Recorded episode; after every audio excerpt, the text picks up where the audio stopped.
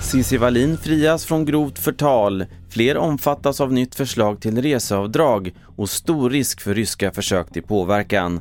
Jag först i TV4-nyheterna om att debattören och författaren Cissi Wallin frias från grovt förtal efter en juryrättegång. Cissi Wallin åtalades av justitiekanslern för sin bok Allt som var mitt, där hon namngav journalisten Fredrik Virtanen som hon anklagat för våldtäkt. Så här sa hon själv i Stockholms tingsrätt efter domen. Jag, var, jag skrev precis, jag gjorde en liten live-rapportering själv eh, och sa fördomsfullt att jag trodde att jag skulle bli fälld eftersom jag skrev att det var juryns höga ålder och eh, hade liksom fått den magkänslan överlag att det inte såg så ljust ut så jag blev faktiskt väldigt chockad. Reseavdraget ska baseras på sträckan från hemmet till jobbet oavsett vilket färdmedel istället för kostnaden så som det ser ut nu.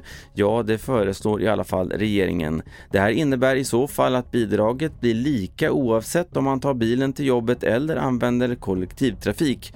Runt 260 000 fler svenskar beräknas få ta del av avdraget jämfört med idag. Finansminister Mikael Damberg. Till skillnad från dagens reseavdrag ger skattereduktionen lika stor skattelättnad för alla skattebetalare, oberoende av deras inkomster och marginalskatt. Som systemet fungerar idag kan samma resa ge en större skattelättnad för en höginkomsttagare jämfört med för en vanlig låginkomsttagare. Det är inte rimligt. Och sist om att Försvarsmakten ser stor risk för ryska påverkanskampanjer och uppmanar svenskar att vara källkritiska när de tar del av nyheter och information. Det sa insatschef Mikael Claesson vid en pressträff i eftermiddags. Risken har ökat sedan tidigare. Ett exempel på det, det är de hot som Ryssland fortsätter att uttrycka till stater som på olika sätt stödjer Ukraina i kriget. Att skrämma och hota, det är en del av den ryska strategin.